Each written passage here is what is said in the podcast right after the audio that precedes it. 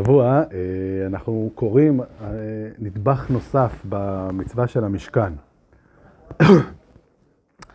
אם עד עכשיו למדנו על בניין המשכן, אז השבוע אנחנו לומדים על זה שבמשכן הקריבו קורבנות, שזה נדבך נוסף. אם אנחנו מקשרים את זה למה שדיברנו אה, בפעמים קודמות, אז במשכן באופן כללי יש שני מטרות כלליות.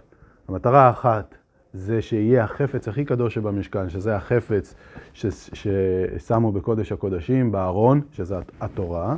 והיה עוד משהו במשכן, שזו היה עבודת הקורבנות במשכן. אז עד עכשיו למדנו על בניין המשכן ועל החפצים שיש בו, כולל את החפץ הכי מרכזי, שזה הדבר הראשון שעשו, שזה הניחו את הספר תורה בארון, את לוחות הברית בארון הברית בקודש הקודשים. פרשת ויקרא, אנחנו מתחילים ללמוד על החלק השני והמרכזי אה, אה, והנוסף שיש בבית המקדש, שזה עבודת הקורבנות. באופן כללי, כל המשכן מייצג את החיבור שלנו עם הקדוש ברוך הוא, גם אצלנו יש את שני החלקים האלה. ואם, ואם נרצה לחלק, נאמר שהארון והלוחות והתורה מייצגים את לימוד התורה שלנו, ועבודת הקורבנות מייצגת קיום המצוות שלנו. כפי שאנחנו כולנו יודעים, שבעבודת השם, בחיבור של יהודי לקדוש ברוך הוא, יש שני ערוצים.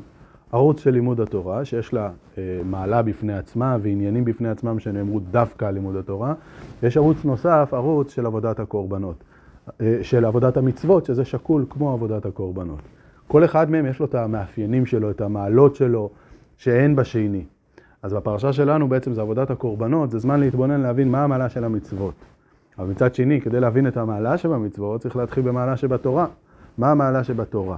אנחנו רואים, אנחנו רואים בקשר ללימוד התורה שנאמרו עליה הדברים הכי נפלאים שיש. תלמוד תורה כנגד כולם, ש, שאם, שבעצם תורה דוחה הכל, אלא אם כן מצוות שאי אפשר לעשות על ידי אחרים. באופן כללי, התורה, לימוד התורה זה הדבר הכי מרכזי, הכי קדוש, הכי נעלה שיש ליהודי בקשר שלו עם הקדוש ברוך הוא. השאלה נשאלת, למה? הרי אנחנו יודעים שאנחנו מסתכלים באופן כללי על לימוד חוכמות, שזה תמיד אמצעי למשהו. לימוד תורה, גם הגמרא אומרת שבסופו של דבר המעלה של התורה זה שהיא מביאה לידי מעשה. אנחנו לומדים כדי לדעת את המעשה אשר יעשון. כלומר, לימוד זה לכאורה משהו אמצעי.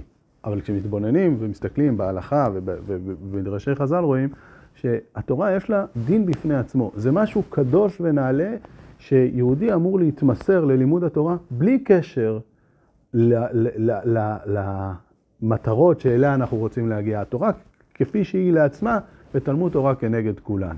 מה המשמעות של לימוד התורה? אז האמת היא שבלימוד התורה יש איזשהו ביטוי ל... ל... לקשר שאין לו אח ורע בשום דבר אחר. לימוד התורה מקשר את היהודי עם הקדוש ברוך הוא בכזה סוג התקשרות, בכזאת סוג של התמזגות שאין לה אח ורע. למה? כאשר אדם לומד חוכמה, כאשר אדם מלמד מישהו אחר איזושהי חוכמה, אז הוא הבין את הסברה, היא נמצאת אצל המשפיע, אצל הרב, אצל המלמד, היא נמצאת אצלו במוח שלו, הוא רוצה ללמד אותה למישהו אחר. התהליך של האדם שרוכש את הידע הוא כזה, שכל זמן שהידע נמצא מחוץ ממנו, אז הוא כאילו מנותק. היינו, מה, כשאני טוען שאני מבין סברה מסוימת, זה לא, זה לא דומה לאדם שמחזיק לולב נניח. לאדם שמחזיק חפץ. כשאני טוען שאני סבור שהמוציא מחברו עליו הראייה. אדם מוחזק בחפץ, אם בא מישהו אחר וטוען שזה שלו, אז ההיגיון אומר שהוא צריך להביא ראייה, כי החבר שלך הוא מוחזק בחפץ. זאת אומרת, זה איזושהי סברה. מה הפירוש שאני מבין את זה? אני מבין את זה, הפירוש הוא, אני טוען כך. כך אני רואה את פני הדברים. זה נקרא להבין. להבין לא נקרא שיש את הסברה בחלל העולם ואני מחזיק אותה. אני אוחז בה. להבין נקרא, אני הוא זה שטוען, ההיגיון שלי מכריח, ההיגיון שלי מחייב שהמוציא. מחברו עליו הראייה. ההיגיון שלי מחייב את הסברה הנתונה, את הסברה. שבה אנחנו דנים. יוצאים ככה איזשהו משהו מאוד מעניין. כלומר, יש מישהו אחד שמלמד סברה, היגיון מסוים, מישהו אחר, זאת אומרת, הסברה מתחילה במשפיע, ברב, במלמד, אבל כאשר התלמיד רוכש אותה, הוא רוכש אותה בצורה כזאת שזה הופך להיות חלק מהאישיות שלו, זה טיעון שלו. אם הוא יבוא ויאמר, הרב שלי טוען כך, הוא לא תפס את הרעיון, הוא לא למד. לימוד אמיתי זה כאשר הסברה הנלמדת, הטיעונים הנאמרים, הופכים להיות הטיעונים של האדם שמבין את הרעיון. יוצאים ככה, שלהתאחדות הזאת שבין השפעת השכל נקרא לזה, ההיגיון, הסברה שעוברת מהמשפיע אל התלמיד, והיא הופכת להיות חלק ממציאות התלמיד, אין לה אח ורע.